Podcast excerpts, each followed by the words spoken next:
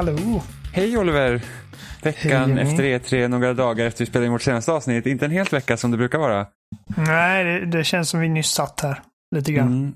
Har, det, har det kommit någonting sen vi spelade in från E3 som har varit så här nytt och spännande information? Uh, så här små grejer som vi var lite osäkra på förra avsnittet. Uh, Som? har ju, ja, men typ som att uh, det nya Lego Star Wars-spelet faktiskt är en helt ny grej. De tar inte bara de gamla spelen. Och Väldigt förvånande. de bygger om det helt från grunden. Um, Så- Så kan, tror vi att det är...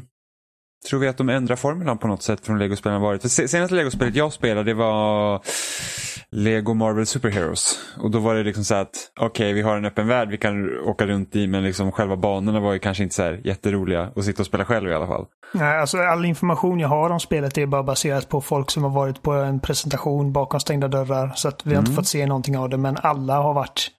Alltså det har inte varit en enda människa som jag har kollat på som har sett spelet som har sagt att ah, det var inte riktigt vad jag förväntade mig, det var inte riktigt vad jag ville ha. Alla är verkligen stoked över det här spelet. Men är Eh, det för att så här, åh, det var inte bara en remaster som vi trodde med två nya kapitel? Nej, det, man kommer väl en bit på det antar jag. För att man, man gick liksom nästan in där och uh, uh, de flesta gjorde det antar jag, gick in och förväntade sig att det skulle vara någon sorts uh, touch-up på de första spelen. Anledningen till att jag... också det jag förväntade mig. Det var det jag sa-. Jag sa ju att du kan inte förvänta dig att det är något annat än det. Liksom. Nej, och, och jag sa det, jag hoppas att det är liksom nytt. För att eh, det är ändå liksom 15 år sedan, 14-15 år sedan det första kom.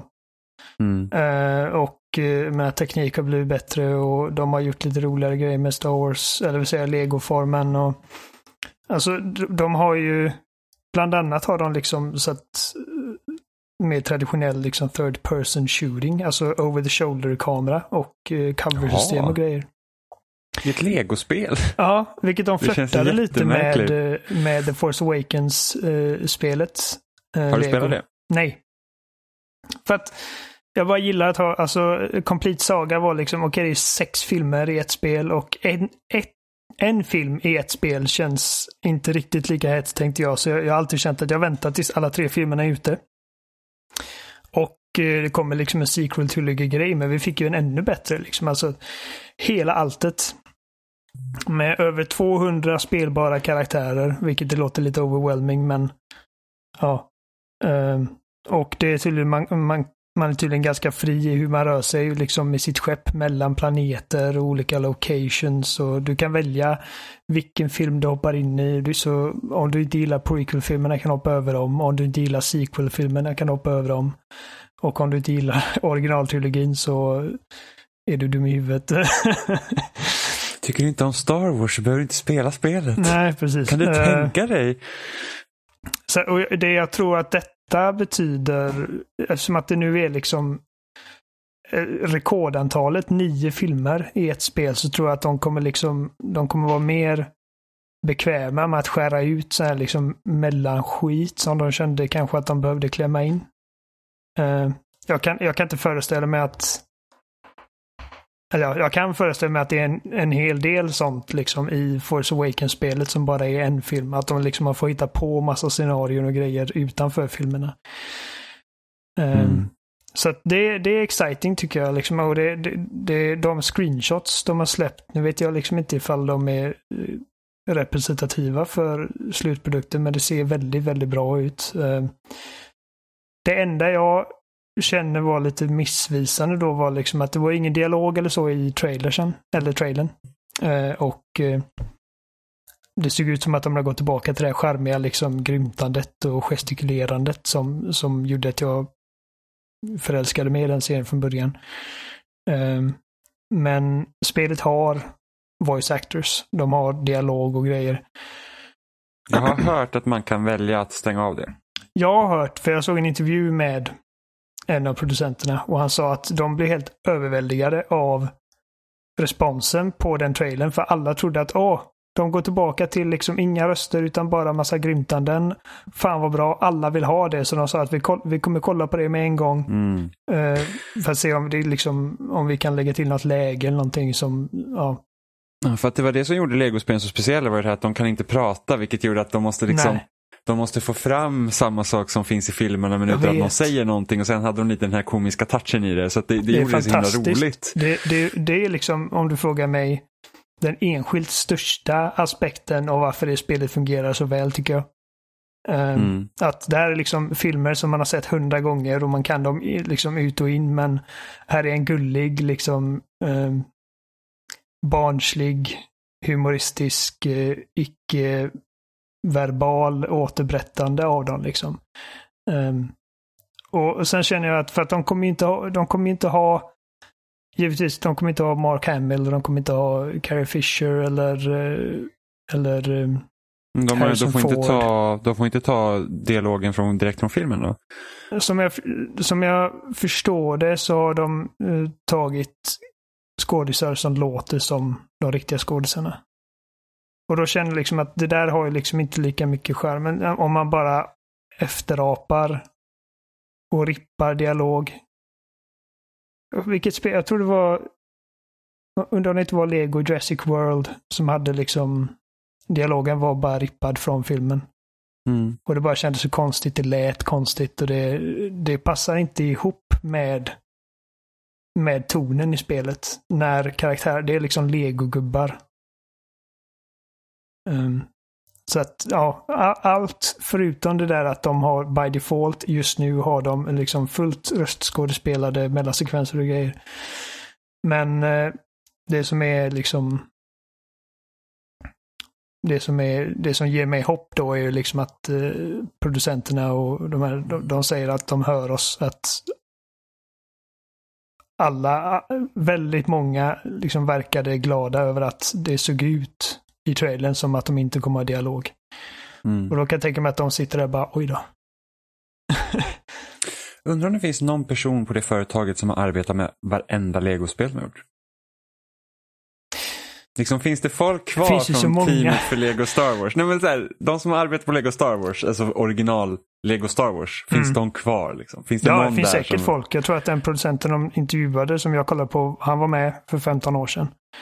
Men Det är eh, helt otroligt. Jag undrar liksom så här, typ, hur, hur tänker man så här, när man sitter och arbetar med, med liksom samma så här, IP i så många år? För ett, så, liksom, hur såg man sig själv att kunna göra det vid den tidpunkten? Och sen hur ser man liksom nu? Så bara, "Ah, jag bara Ja. arbetar med legospel. Inte för att det är så här, bara arbetar med legospel, men liksom, det är det jag har gjort. Samma sak som någon som har typ, jag har bara arbetat på Halo. Eller liksom så här, Gears, det är mitt Mm. liv.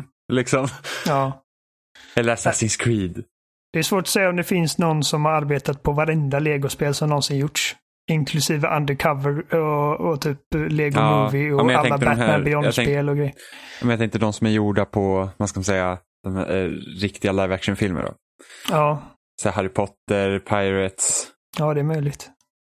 Var det bara, nu ska vi se, Lego Pirates, var det på alla Pirates-filmerna vid den tidpunkten eller var det bara typ sista filmen? Eh, jag tror inte det var bara sista filmen.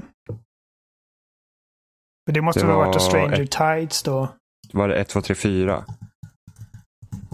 Jag ska googla snabbt. Ehm,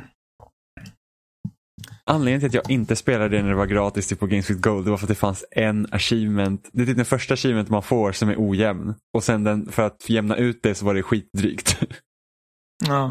Nej, det var fyra, så det var alla filmerna fram Ja, till eh, Fram till eh, Sjöjungfrufilmen. det senaste Stranger. Tides. Ja, ingen vidare film. Nej. Inte den senaste heller. Nej, och jag vet inte vilken jag gillar minst. Ja, det är Stranger Tides måste jag nog säga är den sämsta av dem. Tror jag. Jag när jag såg, eh, Ettan är överlägset bäst.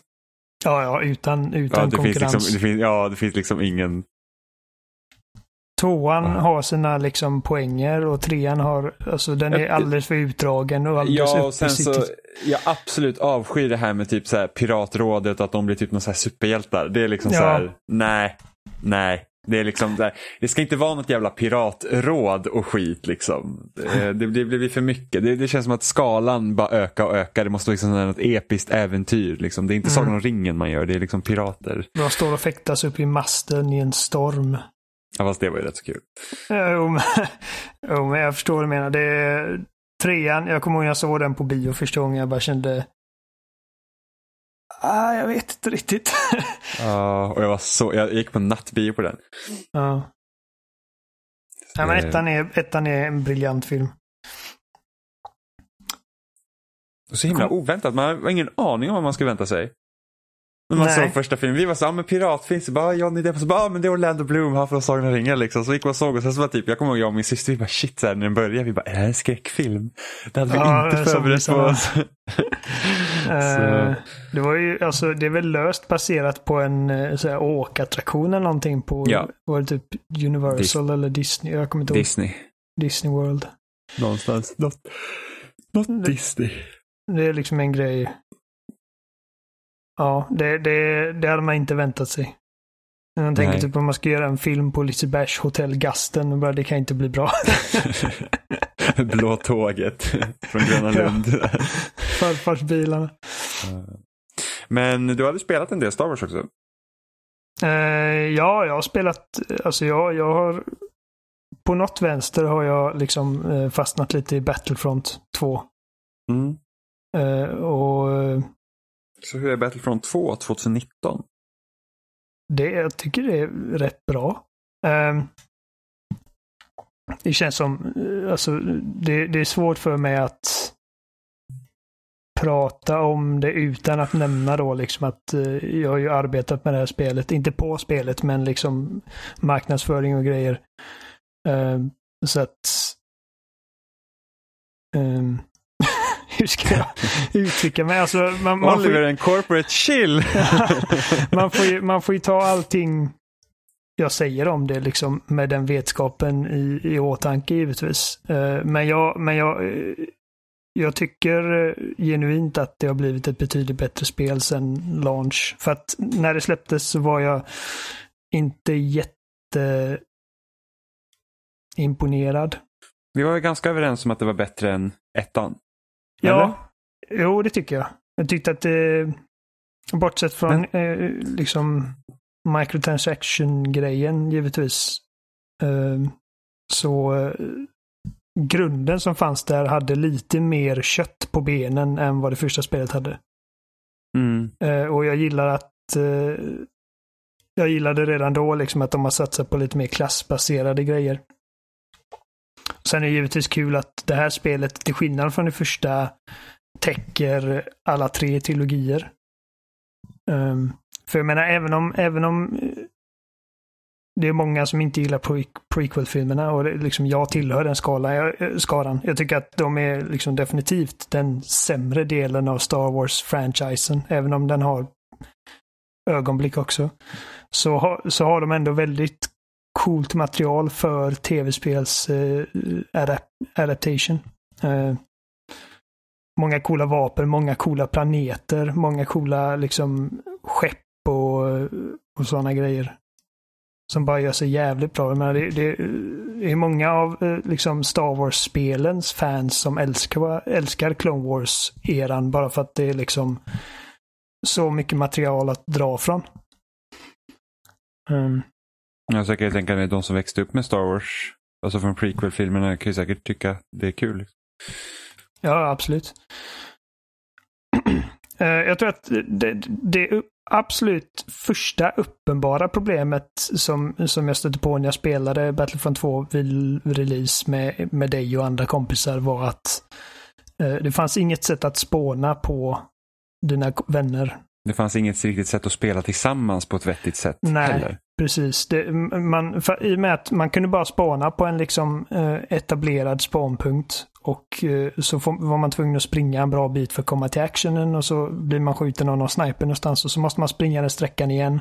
Och så är det svårt och helt plötsligt så är liksom din kompis någon helt annanstans och så är det jättesvårt att liksom urskilja vart är du och vart ska vi mötas och grejer.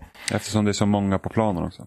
Ja, eh, 20 spelare på varje sida. Så det är liksom ett jävla virvar. Och I första spelet så eh, hade de åtminstone partnersystemet så att man kunde liksom para sig ihop två och två. Mm. Ehm, så att det, det gjorde ju sitt lilla. Eh, det är ju inte riktigt samma sätt som att spela en squad i Battlefield. Ehm, men det var i alla fall någonting så att man liksom känner sig kopplad med vad som händer med dina kompisar när du spelar. Sen dess har de lagt till ett liksom, ordentligt squad-system så att nu, nu har du fyra stycken du kan spana på. Vilket mm. gör att dödtiden under matcherna halveras liksom hur lätt som helst. Ja, men det är ju skönt. För man, man slipper göra liksom att... Och då kan man kanske vara mer... Då. då kanske man kan vara mer taktisk. Precis, man har det liksom att okej, okay, en kompis dog. Uh, nu, nu backar jag undan så att han får chansen att spana. Uh, jag tror så... det är mitt största problem med både Battlefront 1 och 2, att det, liksom, det finns inget riktigt bra sätt att kunna köra någon form av taktik. Det är liksom bara så här, spana, spring, dö. För att, ja, det, det är liksom, ja, vem ska du liksom hålla på och snacka med? Så det är sju mila kliv lättare att göra just det, att spela som en grupp. Mm. Um, i spelet. Och sen så har de, de har lagt till coola banor, de har balanserat om en hel del. Uh, lagt till fler hjältar, lagt till ett nytt läge som jag tycker, jag tror fan att det är spelets roligaste läge. Capital Supremacy heter det. Och det enda som är synd med det här läget är att det inte fanns från start. Eh, så att de banor som redan finns i spelet är inte nödvändigtvis optimerade för det. Så att de får liksom rulla ut banor allt eftersom. Så det började med en karta eh, på Geonosis, en Clone Wars-karta. Eh, ehm, och sen har han lagt till Kashyyyk och Camino tror jag. Och så kommer det ytterligare, tror Naboo är härnäst och sen kommer det en femte. Så att liksom det det, det är mycket mer om du tänker eh, Conquest i, i eh, Battlefield. Ja. Där du har fem kontrollpunkter. Och när ditt lag har en majoritet av kontrollpunkterna så tickar dina poäng upp. Eh, och det laget som kommer först upp till 50 ska då borda rymdskyttlar eh, eh, uh, som tar dig till uh, fiendernas uh, rymdbas. Och då ska man först ta sig förbi ett par liksom defensstationer och sen vidare till generatorerna och så ska man förstöra två generatorer. Så det är lite Conquest slash Rush? Precis. Så, så det, det, blir liksom ja. mer, vad ska man säga, nästan som ett cinematiskt slag då, genom att man, man avancerar i... Precis. Ja. Det, det var, eh, jag kommer ihåg när Battlefield 3 kom ut, kommer ihåg när man såg trailern till så skymtade man Noshar Kanals när typ två båtar åker mot den stora båten som, som ena laget spanar vid när man typ kör uh, Conquest. Mm. Så vi trodde ju vid den tidpunkten att det var det man skulle få göra i Rush. Att du vet, mm. du spränger någon låda på stranden och sen så ska du åka med båt till båten och sen så får man arbeta sig genom båten. Men det hände ja. inte, men det var coolt. Precis, så, att, så, så det läget är kul och, och, som sagt tyvärr, tyvärr så får de ju rulla ut kartor till det allt eftersom eftersom att de måste göra tweaks och grejer till banorna för att få det att fungera så bra som möjligt med det läget. Mm. Um, Sen, alltså, de har bara varit väldigt duktiga på att lyssna på communityn och inte eh, implementera liksom, regelförändringar till olika lägen och eh, göra eh, balansändringar till hjältar. Och... Så det är ett sånt spel som, som jag inte ser mig kanske liksom hänge massa tid eller passion till, typ som ett Overwatch eller Halo. Men det, det är bara kul att plocka upp för att det är liksom är lätt att komma in i, det är lätt att skjuta ihjäl några stormtroopers och sen så, ja. Mm. Ja, jag, jag ser mig inte själv gå tillbaka till Battlefront 2. Nej, och det är det som är... Alltså, mediet rör sig så jävla fort. Så att eh, mång, för många får man bara en chans. Och det är liksom Nej. det första intrycket. Nej, jag tänker ställa en fråga. För att förra generationen då fick vi liksom se det här med kartpaket och, och, och det. Liksom att det kommer det kanske kommer fyra nya banor ett halvår efter release och sen kanske det kommer fyra nya banor efter ett halvår igen och sen så kanske ett spel mm. klart. Den här generationen har ju varit skillnad med det att man har ju tagit fasta på det systemet och, och, och utökat det genom att säga att nej, men det kanske kommer en bana varannan månad. Men det kommer liksom lite, vad ska man säga, lite innehåll men oftare. Vad föredrar du där? Så svårt att säga. Jag tror att jag, jag är bara... Bort, bortse från att vi betalade för expansionspaketen och bortse från att vi inte betalar nu. Liksom bara, se, bara, bara kolla enligt modellen. Snarare ja, än priset. Ska jag bortse från ja, bortse från att det, pris? Bortse från att det, säg, skit i att det kostar eller inte kostar. Ja, Vad föredrar okay. du rent på ja, kons då konceptet? togs mitt argument bort.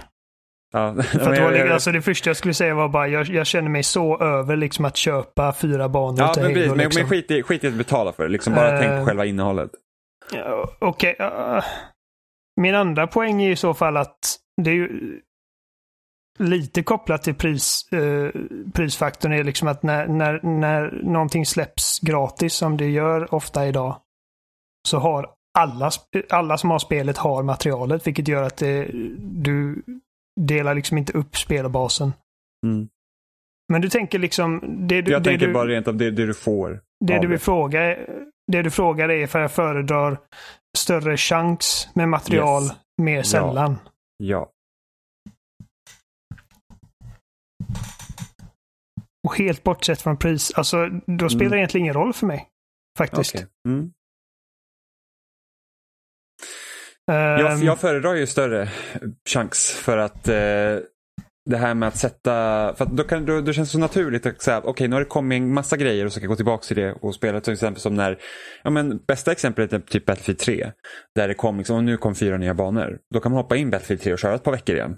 Och sen så kan man lägga liksom undan och vänta på nästa grej. Medan till exempel nu Ja. som Battlefield 5 det kommer lite då, alltså de har något så här typ level-system emellanåt. Liksom så här typ att ah, nu börjar chapter det här för liksom vår Games as Service-modell. Man säger, men alltså jag, eh, för det första, det är rätt så krångligt i Battlefield 5. Liksom, jag kommer ihåg att jag, jag vet inte riktigt om jag förstår exakt hur det fungerar än. Nu har inte jag spelat Battlefield 5 på länge. Men det var så att när, när, jag spelade som mest då så var det så här att jag förstår inte riktigt hur levelsystemet fungerar och hur får jag det här vapnet och eh, du vet det blir lite jobbigt. Och sen så här, det kommer det är så att okej, det kommer en ny bana nu.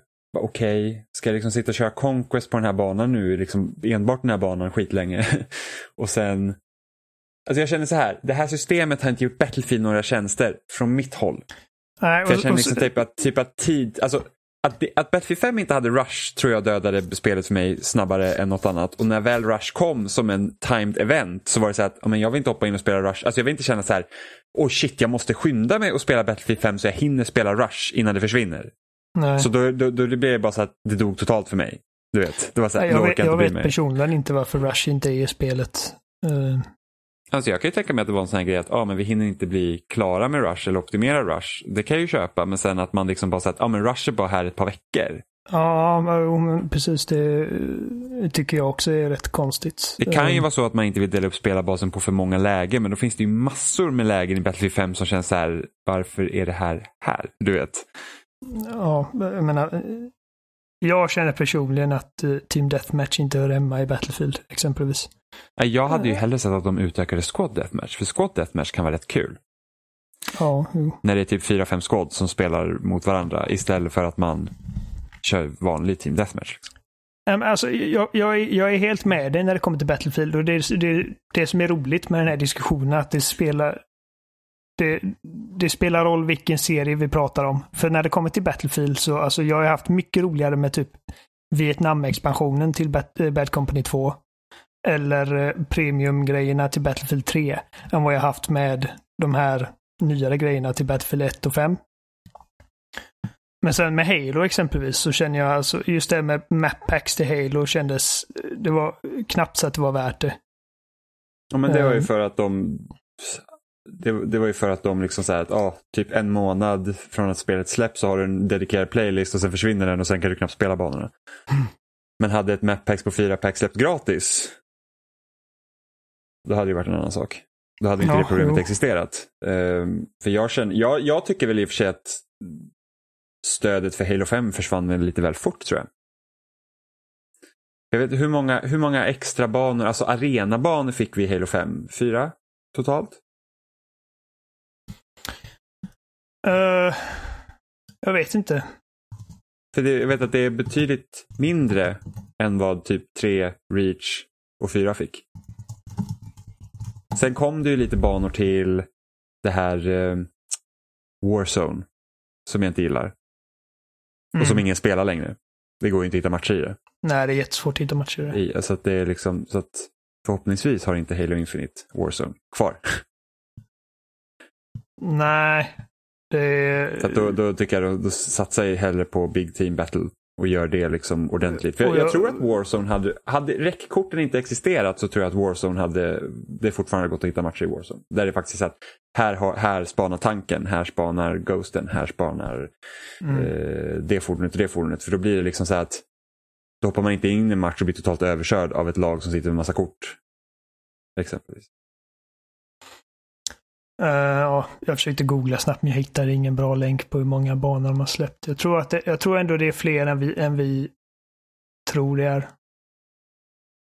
Ja, men jag vet att de släppte Warzone-banor och sen så kom det lite så Big Team eh,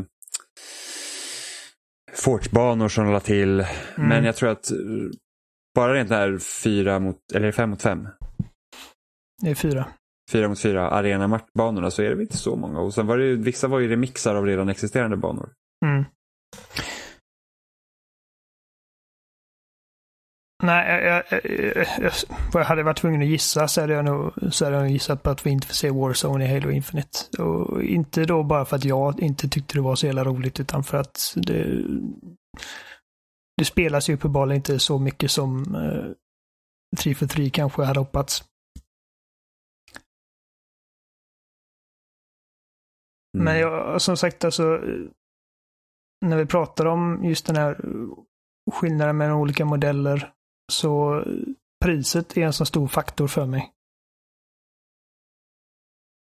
Men ifall jag ska lägga liksom en 150-200 spänn på ett, på ett DLC till ett spel, då får det fan vara typ Blood and Wine eller något för Witcher alltså. Mm. Men säg att det inte hade kostat. Föredrar du ändå att det kommer ut så en bana lite då och då så du kan återkomma fler gånger eller skulle du vilja ha kanske fyra banor på en gång? Så kan man kanske göra dem.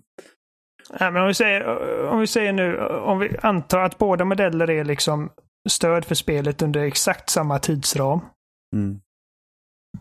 Så att eh, det sista materialet släpps samtidigt i båda fallen.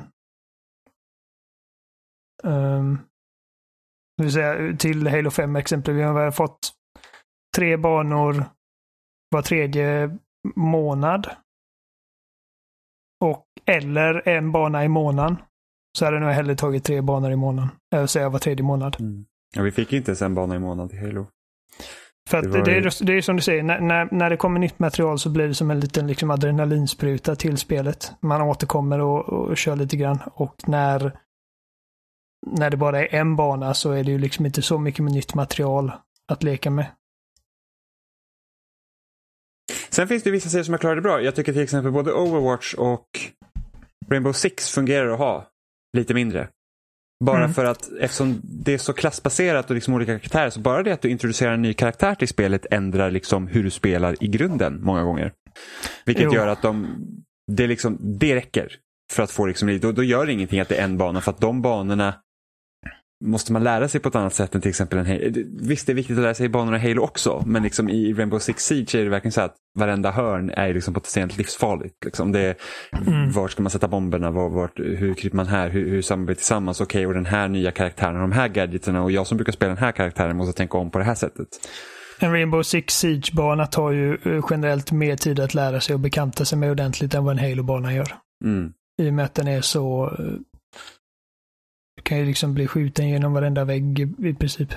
Mm. Så att det är väldigt viktigt att liksom ha någon form av hum om liksom från vilket håll fienden kommer och eh, vilka punkter man ska vara extra försiktiga kring. Mm. Eftersom att man dör i princip på ett skott. Men, så, men det, det är ju som du säger, liksom, det finns vissa spel som det har fungerat bra på och det finns vissa spel som det har fungerat mindre bra på. Och och som jag sa, det liksom, utan prisfaktorn så spelar det egentligen ingen större roll för mig. Mm. Jag tycker det är lite tråkigt med att så många spel ska vara spel som känns. För det känns som att alla utvecklingsstudier får stanna kvar vid äldre titlar så himla länge. Jag håller med.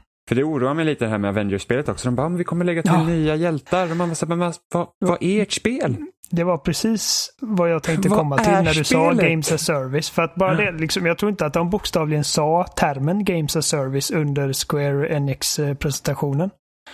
Uh, men snacket var liksom farligt nära till att liksom indikera om att det är det det handlar om och det dödade i princip all hype för mig. För att jag förväntar mig liksom ett påkostat single play-spel i stil med Marvel Spiderman. Men det fast är ju det också. Avengers. Det här är ju det som är så himla konstigt med det här spelet. Det är För, alltså, de bara, de bara, för först var det så här, men du kan spela med kompisar, så bara nej. Det här är ett single player-spel. Det finns co-op missions och det är ett live service-spel så de kan lägga till nya Avengers. Och då bara, men vad, vad betyder det? Nej, och det, det är som Om de många, lägger till Ant-Man, ska vi få en ny så här, sidostory med Ant-Man? Eller är det bara co-op missions? Eller vad är det? Och många mediepersoner som har fått se det bakom stängda dörrar kommer ju ut med fler frågor än vad de fick besvarade. Precis. Så att, men det är liksom, jag ville bara liksom att det skulle vara ett simpelt, bara ah, här är en kampanj, du kör det och så är det färdigt. Ehm, och allt liksom komplicerat skit bara gjorde att det, liksom, det dödade min, mitt sug efter det spelet. Och jag hade kunnat tänka mig att det kunde varit så four player co-op. Liksom, att det, är för, det är för fyra spelare, en kampanj. Du kan Ja. spela själv om du vill, men ni kan vara fyra också. Det är det som liksom... Det, det är det som känns mest vettigt eller liksom makes mest sense. Ja, jag Eh. känner ändå att Marvel-varumärket är så pass starkt så att Ja. hade du behövt göra det som ett spel som tjänst? Jag tror inte det. Jag vet inte. Jag bara tycker det ser väldigt rörigt ut. Det är, jätte, ja, det är jättemärkligt. Ehm, och jag har tänkt på det en hel del nu senaste, liksom att jag, jag... Det känns nästan som att ju äldre jag blir, desto mer dras jag mot spel där jag slipper interagera med andra människor. Och det är så roligt för att jag menar, om det inte vore för online-spel. Och jag, som sagt, jag funderar på detta. Jag, jag, jag funderar på vad, vad är liksom, om jag bara fick välja att spela single player-spel. Ehm, alltså spel som bara är en, kampanj så att säga. Tänk Uncharted, God of War eller Last Mm. of Us. Eller eh, multiplayer-spel, bara Halo, Rainbow Six, Overwatch, Left 4 Dead. Vad hade jag fått, vad hade jag tvingats välja? Och jag, jag tror ändå att det blir kampanj och liksom single player. Eh, och samtidigt så är alltså multiplayer-aspekten av modern gaming har varit så fruktansvärt viktig för mig. Eh, inte bara när det kommer till liksom min hobby utan även att eh, liksom connecta med människor. Jag menar, du och jag hade inte varit kompisar om det inte vore för Xbox Live. Nej.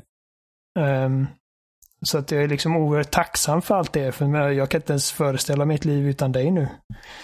Ehm, men just det här liksom den, den bara... Vad ska man säga? Eh, rena single player upplevelsen som tar mig på ett äventyr där, som jag får gå i min egen takt och liksom utan en massa bös. Det blir bara viktigare och viktigare för mig. Och en massa indiespel försvinner också om, om du tar bort kampanjen. Och där mycket så här intressanta grejer händer. Ja, för jag menar, många, många multiplayer-spel är liksom likartade fast med olika liksom takes på det. Mm. Um, de flesta av mina favorit-multiplayer-spel är liksom, det, man skjuter på varandra. Och det, det är givetvis en grov översimplifikation givetvis för att Halo är ingenting som Rainbow Six. Nej, Men, men, men du liksom, du, du, du utför samma handling och även Ja. om det liksom är lite annorlunda. Så det, det är ändå, för det vet jag att många gånger när vi har spelat men jag kan bli så jävla trött på att man bara skjuter på saker. Jag, jag vill göra något annat än att skjuta på någonting. Du vet. Men, speciellt med multiplayer-spel är det så att man, okay, men jag vill spela tillsammans med någon men jag vill inte skjuta på någonting. Det, det kan vara lite svårt att hitta. Mm. Nej, så att, ehm, så att hela den här liksom, jag, jag är så, så, så trött på hela den här Games as Service bullshiten. Jag menar, jag fattar inte hur folk har tid. Men jag Alltså- tror att det är för, för folk, alltså, jag, jag tror att när, människan hade kunnat vända på frågan för dig och mig också för att vi spelar rätt så mycket spel. Liksom det är så att, hur har ni tid att spela så många spel? Så Jag har ett spel jag spelar. Jag spelar Assassin's Creed Odyssey och de ger nytt material det här hela tiden. Det är det jag spelar. Och man säger okej. Crazy jo, person. Nej, men liksom, Assassin's Creed det. Odyssey tar liksom 500 timmar att göra alltid. Det, det, det och på helt- den tiden så har jag spelat typ 14 spel. Ja, men det är någon, så där, någon skulle bara kunna spela Fortnite och det är den enda det personen gör. För det är liksom så här att jag... Så Jo, här, ja, men det, det förstår jag. Men hur Ja. har man tid att spela någonting annat än bara den ena grejen då? Hur, hur, hur finns det liksom plats för mer än en Destiny i någons liv? Jag vet inte, men alltså, ändå är det roligt för att de som spelar typ Destiny, det är de som hoppar runt där. Destiny, Division, Anthem. Warframe eller vad som helst. Det, det, liksom, det, det är liksom de har fem spel de alternerar mellan förmodligen. Jag förstår liksom inte hur man inte blir trött på den ja, typen nej. av spel. För det är det jag känner med liksom Destiny. Jag tror säkert att Bungie hade haft massor av motargument för varför det, här, varför det här inte hade varit en faktor nu. Men alltså jag känner ju att bara det faktumet att det är ett spel som liksom hela tiden utvecklas och förändras och läggs till grejer och saker ändras. Så är det liksom att om jag skulle hoppa in på min karaktär nu och nu, alltså jag gillade ju Destiny 2. Mm, jag med. Uh, jag hade jävligt kul med det med, med dig och, och de andra. Men det känns så avlägset för mig att hoppa in nu, för jag vet att om jag hade hoppat in där nu så all gear som jag har liksom bara svettats och blödigt för. Den är ju förmodligen helt värdelös för det här mm. laget. Ja, och sen så ska vi komma åt liksom materialet som man vill spela så är det liksom många timmar av grinding igen. Det är så att, ja. för vi, jag kommer ihåg att vi pratade om det förra sommaren va? Att vi sa, ja, men ska vi köra Destiny 2 igen, det kommer en ny raid. Och sen så här, ja men då måste vi köpa det här delset också, vi måste komma ja. upp till den här leveln. Där. Så det är för mycket jobb. Det är inte bara det liksom, och då är det ju inte bara det att alla, alla, alla sex spelare måste punga ut för en ny expansion. Eller flera vid det här laget säkert. Uh, utan då är det liksom att då ska man ju också komma till en punkt där man är redo att göra den jävla raiden också. Ja, precis. Och sen lära sig raiden. Det tog oss typ 15-16 timmar att klara först, äh, Destiny 2s första raid. Vilket var jättekul. Jag sitter, jag sitter ofta och önskar ibland liksom att, att det hade funnits lite mer av en sorts progression i Sea of Thieves. Men då är det liksom den positiva grejen med att inte göra det är liksom att du kommer alltid kunna hoppa in i det och inte känna liksom att åh, allt jag har nu är värdelöst. För man har ingenting. Ja, ja men det var ju så skönt nu med här Tall Tales kom ut. Och det var så här att okej, okay, vi vill spela Tall Tales. Vi bara kunde sätta oss och spela Tall Tales. Det var inget så här, åh men shit, de här fienderna är för svåra, vi måste ha... Det är så jäkla skönt att slippa alltså levla i något spel. Ja, ja, ja. Och något... Alltså, all, allting med en level kan fan dra sig i röven. Och, och något som jag också har märkt, att det tycker jag också är väldigt skönt, alltså fiender utan, utan uh, hälsomätare. Ja. För det, det, var det jag typ märkte, så jag tänkte fan, så bara, det var det nog det som förstörde lite Far Cry New Dawn för mig. För jag tror att de fienderna hade typ, det fanns fiender med hälsomätare där. Jag, oh, nej. varför? Jag, jag, jag typ, det. Jag tror det var typ bossar eller någonting sånt. Och sen så spelade jag Rage 2 och det bara så här, de har inte hälsomätare. Alltså man, är det en starkare fiende så har den mer armor. Det syns ja. på det sättet, vilket var otroligt befriande. Och samma sak nu när jag spelat Metro Exodus. Uh, det är inga health bars. Det är så skönt. Det är liksom jag, är så, så att... jag, menar, jag blir orolig för när jag kollar på gameplay för Gears 5, det där escape-läget, så har ju alla fiender hälsomätare. Oh, och det känns bara så... Jag vill inte ha hälsomätare i Gears of War. Men sen nej. så jag tror inte det kommer vara så i kampanjen i och för sig. Nej, nej. Uh, det, det, det, är liksom så att rollspelselement till viss grad men liksom det är så att det börjar kännas många gånger så att det måste vara där bara för att. Och, liksom, och jag vet inte, alltså det, det på något sätt funkar i Borderlands. Jag vet inte varför, vi har hållit på att spela Borderlands 1 nu igen. Mm, ja, jag märkte. I Pepparna 3 och det är liksom så att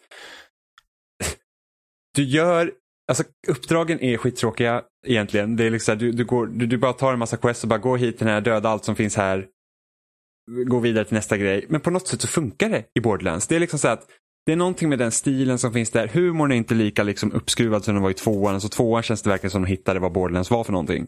Men ettan liksom sår fröet till det. Men sen så igår tänkte jag också, varför är det kul när man kommer hit? Jag ska trycka på den här knappen. Alltså, det är typ det jag kritiserar Destiny för och typ Division. Mm. Skillnaden i Borderlands är att när du kommer dit är fienderna där. Du går inte och trycker på en knapp och sen bara här kommer tre vågor som du måste stå och slåss mot innan du får gå ifrån. Utan man kan springa in, trycka på knappen, springa därifrån om man så vill. Och allt går ganska fort. Mm. Det är liksom så att jag tror Destiny var ju så att det, det bara var så jävla segt. Och det är inte massa laddningstider eller? Nej, ja, det finns en del laddningstider. Okay. Man hoppar ja, mellan nivåerna. Ja. Men du kan, du kan vara på ett område utan att vara i sidor. Men det är liksom så att det, det, fienderna är där när man kommer. Det är liksom ingen, det är ingen surprise här, nu måste du stå och vänta på typ tre vågor. Utan det, det är så att man liksom säger att det här är det som finns här, man dödar det, man är klar. Liksom subtila grejer gör liksom enorm skillnad. Och det, det, kan ju liksom vilken spelutvecklare som helst säga. Att det är liksom, de, de har eh, haft speltestare och det är någonting som inte funkar och de liksom kliar sig i huvudet. Varför funkar inte det här? För vi vet ju att det här är skitbra, liksom det vi vill, det vi vill åstadkomma med det här momentet. Och så är det att de gör någon liten tweak på någonting och helt plötsligt så bara liksom klickar det och så fungerar det. Mm.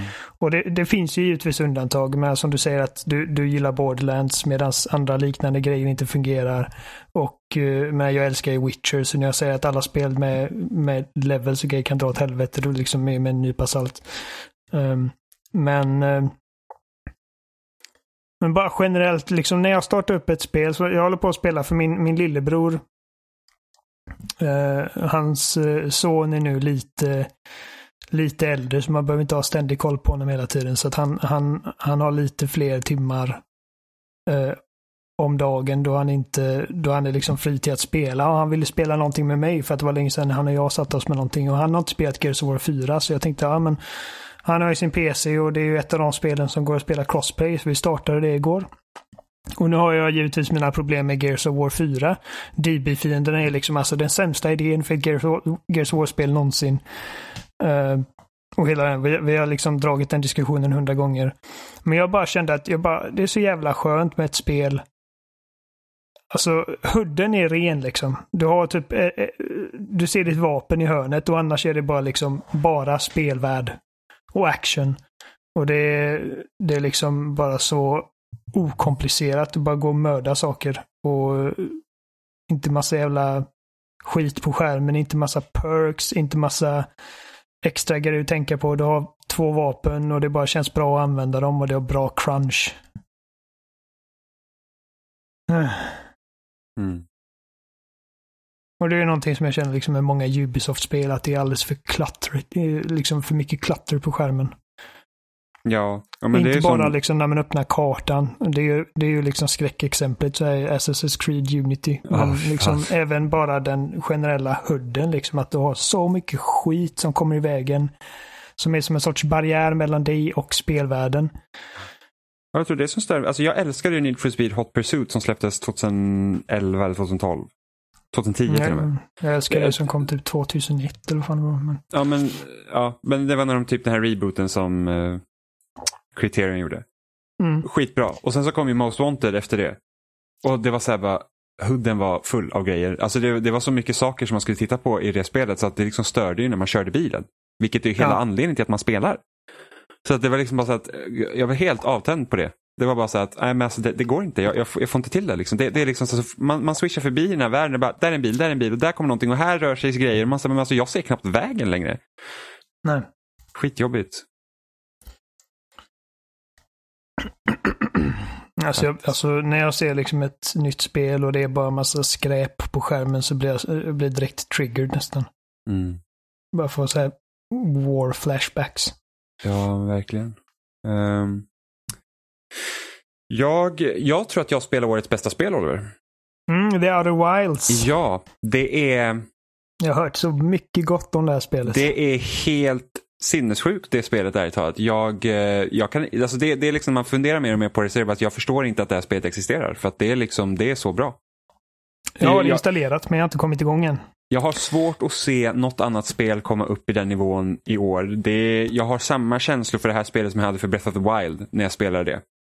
Det var Men liksom bara alltså, så att det nu här glömmer är... du ju uh, Devil May Cry 5. Ja, nej, det är inte en chans. Oliver, inte en chans.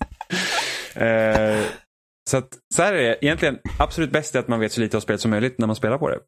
Det är liksom bara att hoppa in typ helt, helt blint. Och sen Ja, det är bra för jag man. har typ ingen aning förutom att det har någonting med rymden att göra. Eh, ja, alltså det är, det är rätt så kul för på deras hemsida så står det så här A handcrafted universe for you to explore. Vilket är liksom en jab mot No Man's Sky. med allt på eh, procedure generated liksom. Ja, Eh, och det här spelet gör, lyckas ju vara No Man's Sky inte lyckades med i längden. För att jag, jag, ska, jag skulle ljuga och säga att, att No Man's Sky inte lyckas med det överhuvudtaget. För att när man börjar spela No Man's Sky så är det ju väldigt speciellt när man har alla de här planeterna och hoppar runt och det är typ ja första typ två, tre Alltså, timmarna. ja, Det är verkligen och sen när man magiska. ser liksom samma ruiner på typ planet 572, då är det så här bara Ja. okej. Det- Men liksom det, Jag det, ser liksom, sömmarna nu.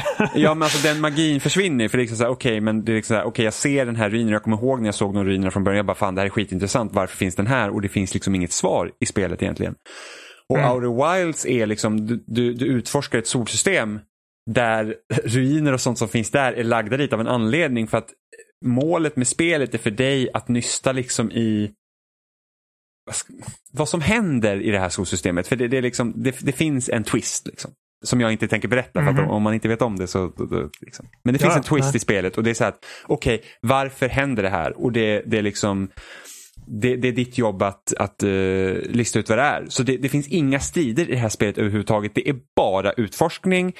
Och sen pussel, men inte i den pussel typ som The Witness är ett pusselspel. Att det är så här, här är ett pussel. Utan det är så här okej, okej, jag ska ta mig in hit. Hur gör jag det? Och sen så får du försöka lista ut det. Och när du hittar så här, olika textloggar och sånt, för det är så du får reda på vad som har hänt. Det är liksom en, en, en äldre civilisation som har bott i det här solsystemet. Eh, och det är deras textloggar du läser. Liksom, du har någon sån här översatsgrej och det, det är typ eh, från den rasen du kommer ifrån då, det är liksom, de är liksom, de är sådana som äventyrare, de utforskar liksom, det är liksom deras mål i, i, spelet. Mm. Det, är så här, men vi, det är klart, det är liksom en stor grej när man får sitt första rymdskepp och åker ut och liksom börjar undersöka solsystemet. Det är liksom en stor grej. Så, så att då har man den här liksom översättsgrejen och så hittar man liksom de här loggarna som man översätter och där får du ledtrådar till hur du ska liksom fortskrida i spelet. Och det är liksom, det är ingen linjär progression. Utan det är så att du kan åka vart du vill på en gång. Hitta loggar och så bara okej den här ledtråden för mig dit, som för mig dit, som för mig dit. Och allt eftersom man spelar så börjar man förstå liksom okej vad är det som har hänt här? Vad, vad, vad handlar allt det här om? Och det är så... Men det är liksom... Det... Tänk dig när du satte ut liksom en markör liksom i, i Breath of the Wild. Jag vill gå dit. Och sen hittar du någonting där. Det kunde liksom vad som helst. Det var liksom bara så att man Mm. fick bara se. Och det, och det byggde ju mycket på att du hade liksom, man har en relation till Hyrule, man har en relation till Zelda. Det har du ju inte i Other Wilds. Du har liksom ingen relation till någonting här. Men det lyckas ändå vara den här liksom att vad, vad, vad finns här? Så att, och varje planet i solsystemet har liksom en gimmick eller liksom, så att, som gör att den är speciell. Och det spelar ingen roll hur många gånger jag hade varit på den här planeten innan. Alltså när man fick se samma sak för kanske tionde gången. Liksom så att, för att, för att ja, men väder och vind det liksom fungerar på, på ett visst sätt. Liksom, så att man vet att det här kommer hända. Liksom. Så att det slutar aldrig vara Alltså man slutar aldrig förundras av det. Det var liksom, det här är fortfarande häftigt. Och jag har sett det så många gånger. Bara så att, Tvärtom från No Man's Sky då, där alla planeter är typ likadana. Ja, det var liksom så att du landar på en planet och du har liksom, okej men jag behöver inte gå runt på den här planeten för att det kommer inte skilja. Alltså, hittar jag en grotta på andra Skillnaden att den sidan så är det ingen skillnad. istället för blå. Precis. Och det är liksom bara så att, alltså det är bara så magiskt. Och sen det här med att de har liksom tittat kanske på typ hur rymden ish fungerar. Inte, liksom, inte liksom exakt hur det fungerar, men liksom du har ditt skepp att du kan liksom inte köra Liksom, du kanske måste dutta på gasen för att komma fram för att få, får upp en viss fart så håller du den farten tills du bromsar. Liksom, för att det finns ingen Mm. motstånd i vakuum. Eh, så, att- så att man måste liksom lära sig manövrera skeppet. Och liksom, I början är det svårt. Man bara shit och åker hit och dit och liksom, ah, måste landa och det här. Liksom. Eh, och jag tror det häftigaste jag gjorde, för att det finns en station som är i omloppsbana runt solen. Men stationen i sig själv har ju ingen gravitation eftersom det är bara en station. Men solen har gravitation. Och det fanns en achievement i spelet var att man ska manuellt landa på den här stationen. Det var ju skitsvårt. Men kan Så man... blir det så här Interstellar-scenen. Ja men alltså det var så här, man, alltså jag började verkligen lära mig så här typ att okej jag måste liksom, jag måste sätta mig i omloppsbana runt solen men se till att jag inte av gravitationen dras in i solen och dör. Eh, samtidigt som jag måste komma upp i samma hastighet som, som stationen så att jag liksom spinner vind eh, med den samtidigt. Problemet är ju bara det att man åker så fort runt solen så att när du liksom går upp från sätet eh, i ditt skepp då sugs du bara bak i skeppet av G-krafterna. Så du kommer inte loss. Så att det jag behövde göra var ju det att jag behövde liksom trycka på så min emergency-knapp och skjuta ut mig ur mitt skepp mot stationen. Se till att gravitationen slungar mig runt i samma hastighet som stationen samtidigt som jag försöker liksom med mina thrusters i min rymddräkt komma in liksom i hålet på stationen. Alltså det, var, det, var, alltså det är bara en så mäktig upplevelse. Det, det, det så, alltså, kan inte komma på något annat spel som har liksom fått det att kännas på det här sättet. Jag antar att det, det, är handcrafted sa du, så jag antar Ja. att det inte är liksom en miljard kvantiljon planeter det handlar om. Nej, det är väl, Eh, vad är kanske är åtta så stycken? att det, det är inte Ish. ett, eh, det, det är inte sånt där evighetslångt spel. Nej, alltså det tog mig ändå 30 timmar att klara ut det. Åh jävlar. Liksom, men det behöver, alltså du kan klara det på 20 minuter om du vill. Om du gör allt Oj. rätt så kan du liksom ha sett det de behöver för att kunna se eftertexten. Men alltså det var ju bara så att, du vet, man bara sa, ah, men nu går jag hit och undersöker den här planeten och kollar lite och sen så får jag en ledtråd att åka hit. Så att det var liksom bara så himla... För att jag spelade parallellt med E3 och det var så att Outer Wilds är så bra så att allt jag ser på E3 liksom bleknar i jämförelse liksom, av det vi såg. Det, det är liksom på den nivån, det är helt sjukt. Ja. Så att, och det, det, det Outer Wilds också lyckas med, liksom, det lyckas ta det här konceptet av rymd, för rymden är så himla fascinerande. Vi har liksom knappt någon aning om hur rymden, liksom, vad finns där ute. Liksom, vi, vi har inte, vi har, vi har liksom inte kunnat vi har kunnat landa en sond på Mars. Liksom. Vi, har, vi har haft alltså, en robot vår, på Mars. Vår utforskning av rymden är ju ganska begränsad. Precis, och vi liksom kan inte... Så att, så att bara det så här, möjligheten av rymden finns i det här spelet. Samtidigt som skräcken av rymden finns i det här spelet. För att det, det, alltså, det hände en grej på en planet och jag slungades ut i rymden och jag ser mitt skepp slungas ut med mig men det åker åt tvärt, alltså det åker åt andra hållet. Jag så här, jag är död nu, alltså jag kommer inte, alltså jag bara åker, jag, alltså, jag åker ju bara åt, åt motsatt håll och, liksom, och ser så här, syremätaren bara börja gå ner. Och man så här, jag, det här är ju kört. Alltså, så, så Sandra Bullock tänkte i Gravity också. Ja, alltså, jag är ja, död nu! Ja, men alltså det var ju verkligen så att det här är, det, det är liksom så, alltså, på, Alltså det känns bara helt amazing och samtidigt när jag försökte, mina flera försök till att landa på den här solstationen, var det att jag dunkade ju så hårt in i den så att den, den liksom kapseln man sitter i i skeppet slogs av från skeppet. Så att jag, alltså jag roterar bort från solstationen. Alltså, ba, alltså bara snurrar och jag har ingen aning om att mitt skepp har gått sönder så jag försöker liksom bromsa och jag bara fan inget händer och bara så här snurr, snurr, snurr, alltså hur fort som helst. Så att det är liksom... Här måste jag testa. Alltså du känner mig ganska väl. Tror du att uh, det är något för mig? Jag vet inte. Jag skulle kunna tänka mig att du inte kommer tycka om det.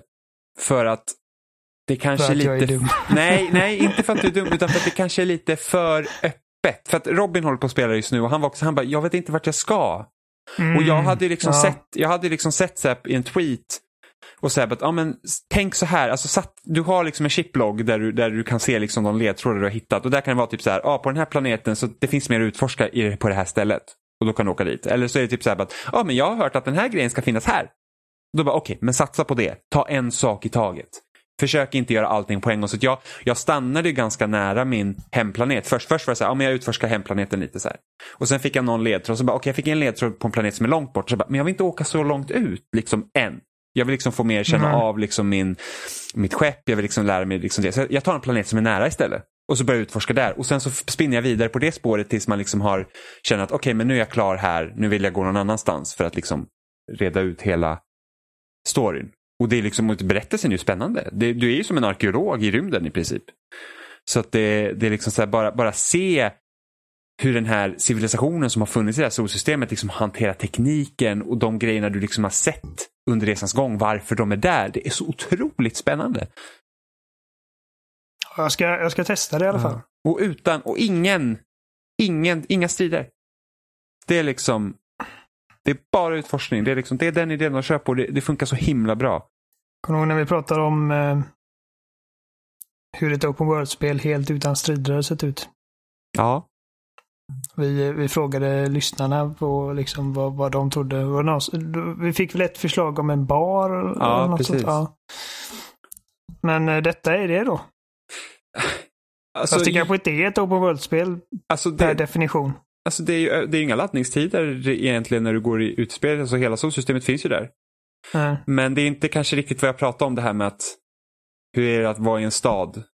Där du liksom, Nej, det, ja. ja. Mer jag, traditionellt open world-spel. Jag tycker Red Dead Redemption 2 kommer nära emellanåt. För att där ja. kan du spela i flera timmar utan att liksom, du, du behöver inte gå på storyn, du, behöver, alltså, du kan bara vara cowboy.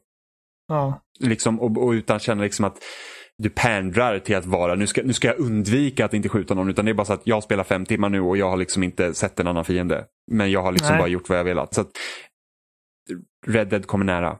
Uh, men det är inte riktigt, inte riktigt där än. Uh, sen testade jag faktiskt också det här uh, Cadence of Hyrule. Ja, som är den här ja. Zelda-mashupen med uh, Crypt of the Necrodancer och Zelda helt enkelt. Mm. och det är det, det var inte det spelet jag trodde det skulle vara. För att Crypt of the Necrodancer är ju liksom, det är en roguelike. Så det är dör du så börjar du om. Och sen Som jag har förstått det, nu har inte jag spelat Crypt of the Necrodancer, mm. men jag, jag har liksom sett det. Um, och som jag förstod detta så var detta bara Crypt of the Necrodancer fast med Zelda-skin på. Nej. Okay. Jag skulle säga att det här är ett Zelda-spel med eh, ett spelsätt från Crypt of the Necrodancer. Okej. Okay. För du har för Crypto Necrodancer, dör du så får du börja om. Visst, du kan liksom göra en viss progression att du kan låsa upp nya karaktärer och lite sådana saker och det sparas typ en viss valuta, typ som Rogue uh, Legacy. Liksom, lite sådana grejer. Så det, det, är inte en helt omstart varje gång du spelar Crypto Necrodancer. Men, mm. men det är liksom så att du dör, då får du ändå börja om från nivå ett och sen är det så här eh, slumpmässigt genererade nivåer liksom, som du går ner i och sen kommer bossar och allt det här. I Zelda det är fortfarande så... ett eh, liksom, rytmbaserat ja, precis. spel. Så, så, så grejen med Crypto Necrodancer är att du, du spelar ju till eh, spelets bit helt enkelt. Så att du rör dig tillsammans med bitet och alla fiender rör sig tillsammans med bitet. Så det är, liksom, det är ju liksom grejen då. Så att du måste lära dig mönster på fiender, hur de rör sig med musiken. Och sen måste du vad... hålla uppe tempot för att uh, hålla igång din multiplier så du får högre score eller mer skada eller vad som helst. Vad händer om man inte rör sig med bitet? Alltså är man knuten? Du du, förlo du förlorar din multiplier i Crypto Necrodancer och sen så missar du biten så utför du liksom inte din handling om man säger så. Eh, liksom, står du still så blir det liksom som ett litet hack. Så här, ah, nu rör du inte bitet men du kan ju också röra dig ur bit men du gör fortfarande saker. Men så, så att säga, typ det finns vissa föremål i det här Zelda-spelet då, som gör att ah, men håller du dig till bitet så har du plus en i damage till exempel. Om du har den ringen till exempel. Eh, mm. Men i Zelda så har du liksom, det är inte slumpmässigt genererade nivåer utan det är, det är en, en, en värld. Liksom, du har Hyrule som du, som du går i. Eh, och varje ruta är ju som ett dansgolv om man säger så. Så det, det liksom delar det DNA med första Zelda. Du, vet, du, liksom, du går förbi en screen och så kommer det en ny screen och här är fiender. Och går du mellan dem så, så spanar fienderna om eller whatever. Och varje ruta kanske har en, en gåta eller en, en kista så att du kan låsa upp till exempel. Eh, och så hoppar du tillsammans med musiken. Då. Du kan stänga av det dock om du inte vill. Eh, men, men det är liksom hela grejen är att det ska vara på för att det är kul. Och sen så finns det liksom, ja, det, det finns tempel. Inte lika liksom elaborerade som de är i, i, i typ av Link to the Past eller något sånt. Utan det är, det är liksom så här, ja, det, det, är ett simpelt tempel som du ska ha ett uh, föremål från för att du ska kunna komma till sista bossen till slut. Liksom.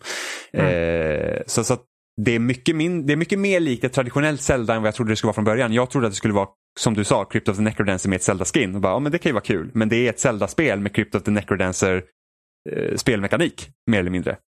Eh, det jag tycker är synd är att jag tycker att den här att du ska hoppa till tempot, det gör inte jättemycket för spelet. Ärligt talat. Jag tycker att det är så här att det känns mer som en gimmick att den är där. Snarare för Crypt of the Necrodancer känns det som att hela spelet eh, evolverade runt det. Liksom att det, det är så det gör. Men i, i Zelda så känner jag så att ah, det finns där men hade du tagit bort det så ja visst, då hade det bara varit ett vanligt Zelda-spel. Så det ger ju någonting men det är liksom inte så att wow, det här förändrar allt. Liksom. Det, det, det, är en kul mashup. Det är kul att höra remixade Zelda-låtar i den här liksom stilen, så att säga. Eh, redan när du startar spelet så är den här, du vet, du vet man startar huvudmenyn i Ocarina of Time. Liksom. Den låten, liksom när när, när epåerna galopperar. Så har de liksom en version av den där och sen Hyrule Fields är, du har liksom Gerudo Valley. Det, det, det är liksom, jag tror även den här eh, eh, om jag inte minns fel så är det eh, Shrine-låten från eh, Breath of the Wild i vissa av de här typ hemliga rummen man kan hitta. Så att det är liksom det är en väldigt häftig idé och jag tycker att det roligt med ett Nintendo som låter andra utvecklare låna deras IP för att göra någonting. Mm. Speciellt mindre team. Det behöver liksom inte ha, vi behöver liksom inte ha kanske typ Låt oss säga att Naughty Dog hade gjort Super Mario. Liksom. Vi behöver inte ha liksom, den stora grejen. Men liksom, det kan vara så att, okej okay, men här har gjort Crypto Necrodancer, skulle ni vilja göra något med våra IP? Så bara, ja, men vi kan göra Zelda och sen så gör de ett Zelda-spel med, med liksom den. Och tänker, hur, hur ska vi tänka, hur kan vi tänka Zelda i den här stilen blir det liksom som. Ja, men det är också bra med de flesta av Nintendos IP är att de är så breda, liksom att de, de... Det finns inte mycket till kontinuitet i många av de här spelen. Så att man behöver inte oroa sig för det hade man inte behövt göra ändå. Man kan bara komma undan med att säga att det är en spin-off. Man behöver liksom inte göra det till Canon eller whatever. Men varje Zelda-spel i sig är ju nästan som en liksom fristående grej. Även om de givetvis på olika sätt hör samman. Men de utvecklade dem som helt nya grejer. De, de, de tacklar inte ett Zelda-spel i utvecklingen från oh, vad, vad tar vi storyn den här gången utan det är att oh, den här gången ska vi kunna klättra i träd. Mm. Eller den här gången ska vi ha eh, motion controls eller whatever. Mm. Um, och det, det är som, det, det är inte det första liksom. Alltså kolla på Mario eh, vs. Rabbids eller vad det heter. Och ja. Hyrule Warriors. Ja, men Hyrule Warriors hamnar vi mer inne på det här typ AAA-studion som ska göra ett spel. Och då tycker jag att Cadence of Hyrule är ett mycket roligare experiment när du sa att du, det inte var vad du förväntade dig. Jag, jag förväntade mig lite att du skulle säga att det inte var särskilt bra, men så låter det inte. Ja, nej, nej, jag tycker, jag tycker det är väldigt spelvärt. Jag tycker det är bra. Jag har väl spelat ja. en två timmar. Uh, jag trodde det skulle vara Crypto of the Necrodancer med Zelda, så att jag var ju till och med så att jag, visst, jag, jag tänkte inte köpa det. För jag var så här, ah, jag vet inte om jag orkar liksom så börja om från scratch hela tiden, men det är inte det. Du, köper, du kan köpa nya vapen och sen får du behålla dem. Ja. Uh, vilket gör att det liksom spelet är svårare i början. Och sen blir det lättare och lättare ju mer hjärtan du får. För det finns ju heart containers och sånt också. Det är ju liksom ett Zelda-spel. Där du dansar igenom i princip. Mm. Uh, och du kan spela som Zelda. Du får välja i början. Antingen kan du spela som Cadence från Crypto the Necrodancer eller så kan du spela som Link eller som Zelda. Och jag spelar som Zelda. För att it's about goddamn time. Uh, men det, det är liksom så att jag skulle gärna vilja se mer att Nintendo, alltså Låt, an, låt mindre studior låna liksom spel. Alltså, hur skulle till exempel, alltså, tänk dig att någon, någon, skulle göra ett Star Fox fast istället för att göra liksom ett stort 3D Star Fox så gör en schmapp.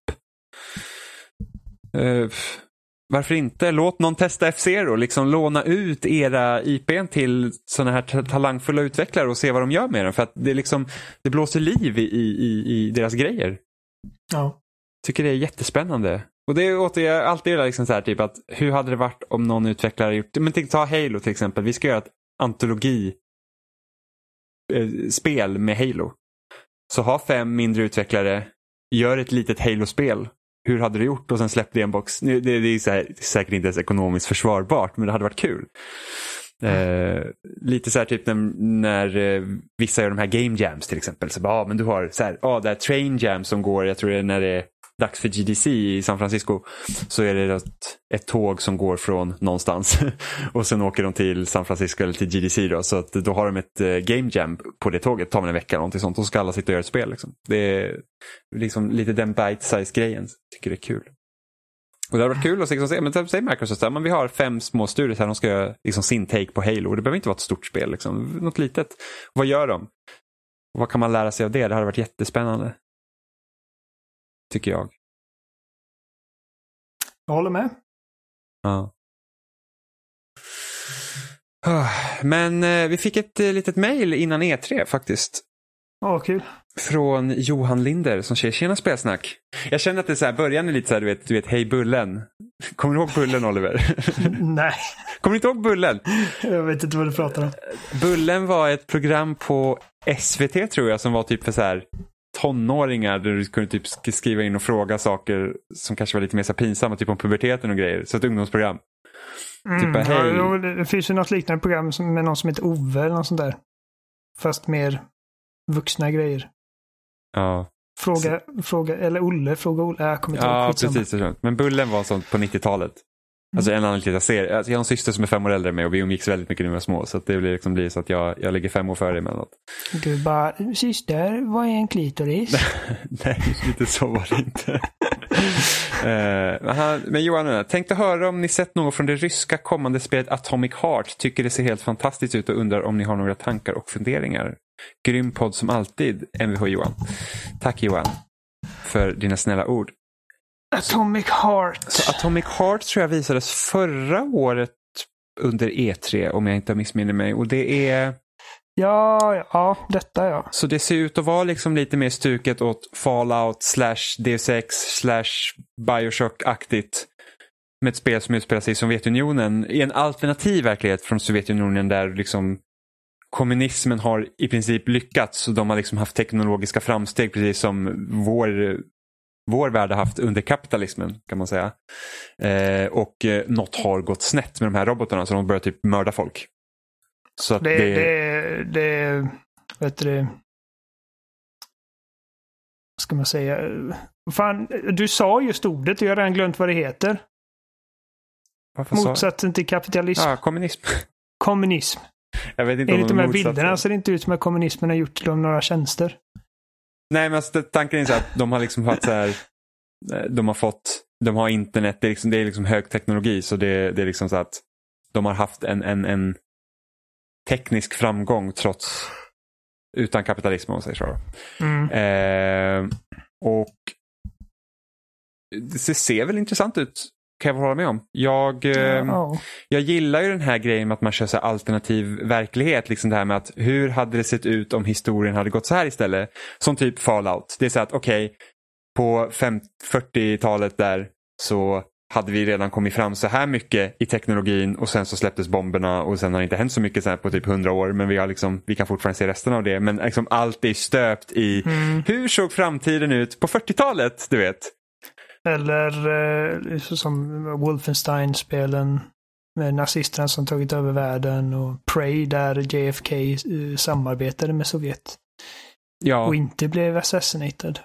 Ja, och sen, vad fan var det mer? Jo men det är liksom så att det är det som är så intressant när man liksom tänker, när man tittar på typ eh, media överlag, eller olika medier och typ filmer och sånt, och de tittar på så att alla, när de ska försöka förutspå framtiden så går, utgår de ifrån hur det ser ut idag.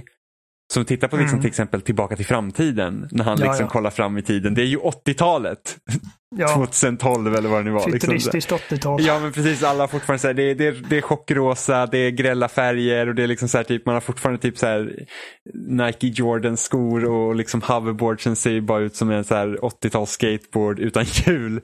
eh, så det, det, det, är- det kan ju vara Alla framtidsvisioner är ju liksom produkter av sin tid. Men det är bara frågan, liksom, hur, vi säger om, om typ 50 år, hur ser vi tillbaks på ett spel som Mass Effect som framtidsvision? Jämfört med då, liksom. Ha, tänker man annorlunda kring teknik när Mass Effect gjordes än när man gjorde Tillbaka till framtiden till exempel? Ja, men det är väl... Ja, det skulle jag väl anta. Mm. Men det är frågan, så här, kommer vi se tillbaka på Mass Effect? Bara, haha, gud vad dumma vi var när vi trodde liksom att så där såg sci-fi ut. Liksom. Alltså, eh, ja, kanske. Jag menar, alltså, jag, svårt jag att säga, tänker inte så mycket är- på... Jag, jag, det är som när man kollar på typ Alien, liksom. När man kollar på deras kontrollpaneler. Mm. Och det är liksom bara massa blinkande lampor och grejer och sånt. Så hade, ser inte våran framtidsvision Nej, nej, ut men det idag. bara att nu är det sen- mycket mer liksom transparenta touchskärmar och grejer. Ja, vet. ja och de kunde Eh. ju inte Alltså de kunde ju liksom inte förutspå hur skulle en skärm se ut 2010. Nej. Nej, det, det är liksom. omöjligt att säga det. Liksom. Det- Så att, eh, när jag ser filmer som, eh, som framställer liksom ett, eh, en framtid som gjordes för länge sedan så brukar jag inte tänka så mycket på åh vad dumma de var då. Utan det är liksom, jag, jag, jag köper det helt enkelt. Mm. Men, men jag tycker Eh. det har gett, alltså om man tänker idag om man tittar på Alien så har det gett en väldigt nice touch.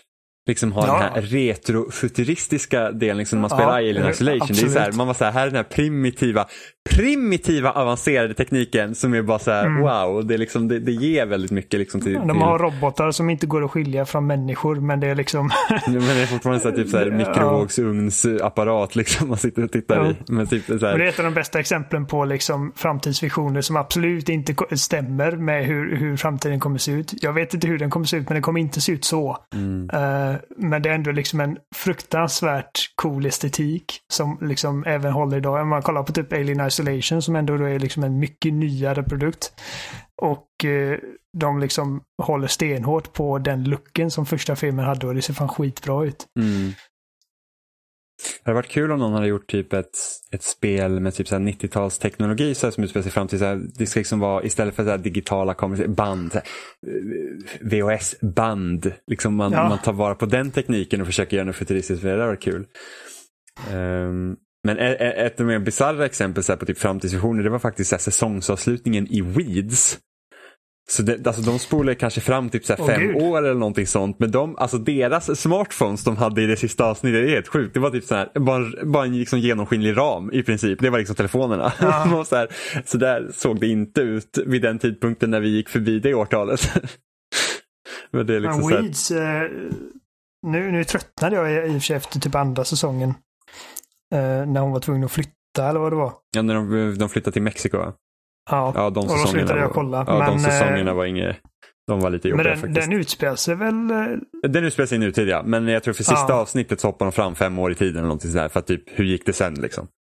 Ja, okej. eh, och då, då var det så här Fem jättekonstigt. år, ja. Ja, då var det så här, liksom, man bara, den där För jag futuristiska föreställer mig telefonen. bara typ det här 75 år senare. Ja, nej, nej, nej. Det, det, var liksom, det, det var som en iPhone fast det liksom, du håller bara i glaset. Det är bara glas. Det är bara glas. Ja. Ja. Eh, så det var liksom så här att Det var ju det var ett vågat grepp liksom att visa hur man hoppar in i framtiden. Liksom. Bara, Mm. Så här har vi telefoner. Men det, det är typ sjukt om man tittar tillbaks typ, och det här är inte ens länge sedan, men liksom, ser man att någon har en lucktelefon i en film då blir man så här wow. Har du ingen smartphone så eller? Du vet? Flipp, eh, ja. Ja. Så jag kan ju bara tänka mig, jag kommer ihåg typ Alias, den tv-serien. Alltså den var ju verkligen så här typ, vi har den senaste teknologin, vi är Ja, sponsrade av. Nokia hela tiden, så vi har deras nyaste telefoner hela tiden och gör så helt sjuka grejer med dem. Och går man tillbaka nu och tittar på Alias, så man säga det där är en lucktelefon som de har, som de gör någon så här typ nuclear bomb av. liksom så här, japp. Så det, Om det man kollar... Eh, nu kollade jag upp här. Den sista säsongen av Weeds kom 2012. Jag tror det var mycket senare än så. Ja, nej. så att det var, då, det var liksom... Eh, Så då skulle vi ha haft- 2017 i så Ja, fall. då skulle vi haft, ja, vi kanske har böjbara telefoner snart. Mm. Eh, men jag skulle säga... Jag som kollar på mycket så här, typ gangsterdrama och grejer, då ser man ibland eh, så här, eh, flipptelefoner för att de använder dem som burners. Att de, har, Mm. de har dem en, en vecka och sen slänger de dem och köper en ny. Mm. Ja men det är ju liksom, det, det känns så här, det förstår man. Men det är typ någon så här Mm. typ tech-savvy så här, stor boss på ett företag och tar fram sin flipphone. Ja, man nej, bara, det händer inte. ah, aha. Men fan vad dyrt det har varit att ha iPhones som burners. Fast ja, det beror på vilken iPhone. Du kan få tag i iPhones ganska billigt idag. Inte de nyaste, men liksom en iPhone 4 är säkert inga problem. Men det är bara att de, de, du kan inte ha en iPhone som en burner. Det är liksom, du slår på Nej. den, eller du behöver inte slå på den, alla vet vart du är. Ja. Så det. Men, eh, nej, men jag, det är kul med alternativa verkligheter. Det är så här, det. om det här inte hände, vad hade hänt då? Särskilt Eh, när de liksom görs... Vilken, vilken dum mening jag på att säga. Särskilt när det görs bra. Jag menar, givetvis måste det göras bra, men alltså när det verkligen går in på djupet liksom. Ja. För att jag kommer en av de första grejerna man ser i Prey är någon sorts typ eh, memorial eller så här infographic om eh, JFK och liksom varje steg hur typ han eh, gick in i ett politiskt samröre med Sovjet och hela den fadrullen. mm. Ja, det är intressant. Mm. Ja, men det, det är ett, spelet ser rätt så, det, det ser snyggt ut också. Men vi får se om Mm. det, vad det blir för någonting. Ja, men det var väl allt vi hade för den här veckan va? Ja, jag tycker det känns mer- som ett Mm. Tack Johan Bra för att avsnitt. du skrev. Det är säkert vår Johan som har skrivit. Det Johan. Ja, våran Johan har Ja, bytt precis. efternamn. Ja. Eh, tack Johan för att du skrev till oss. Eh, som ni andra lyssnare också kan göra till kontaktatspelsnet.com. Eh, ni hittar oss som vanligt på er favoritpodcast-app. Finns vi inte på din favoritpodcast-app så skicka ett mejl och säg att vi finns inte här. För, Jag hade för att vi ska där. finnas där. Då är det något Precis, som är fel i så fall. exakt. Eh, har ni frågor, funderingar, vill ni att vi ska diskutera något speciellt så skicka en skicka, eh, skicka ett, ett e-brev. Kanske sagt på typ 2000-talet. E-brev. Ett e-brev. En sån här e-post. E-post. E-post. E-postbrev. I- E-mail. Och ser. Ehm, ja, spelsnack.com är vår sida. Loading.se finns vi också på och läggs upp där varje vecka. Vi finns på massa också- ställen. Vi finns yes, på Twitter och Facebook och Instagram. Instagram och vi, eh, vi personligen finns även på Twitter på att Oliver Thulin, att Jimmy, nej, Seppala13 Mhm. med två P, inte två L som eh, vår kompis Sebbe gärna vill få det till. Mm. Um, att Johan Folsson, att Spelsnackpodd. Ja. Jag följer Robin också, men nu har inte han varit aktiv längre, men han är fortfarande på hemsidan. Smattepojk 91. Skick- Skicka en pitty-like. ja. Ja. ja, men vi säger så Jimmy. ja, så ses vi nästa vecka. Mm. Hej då! Hej.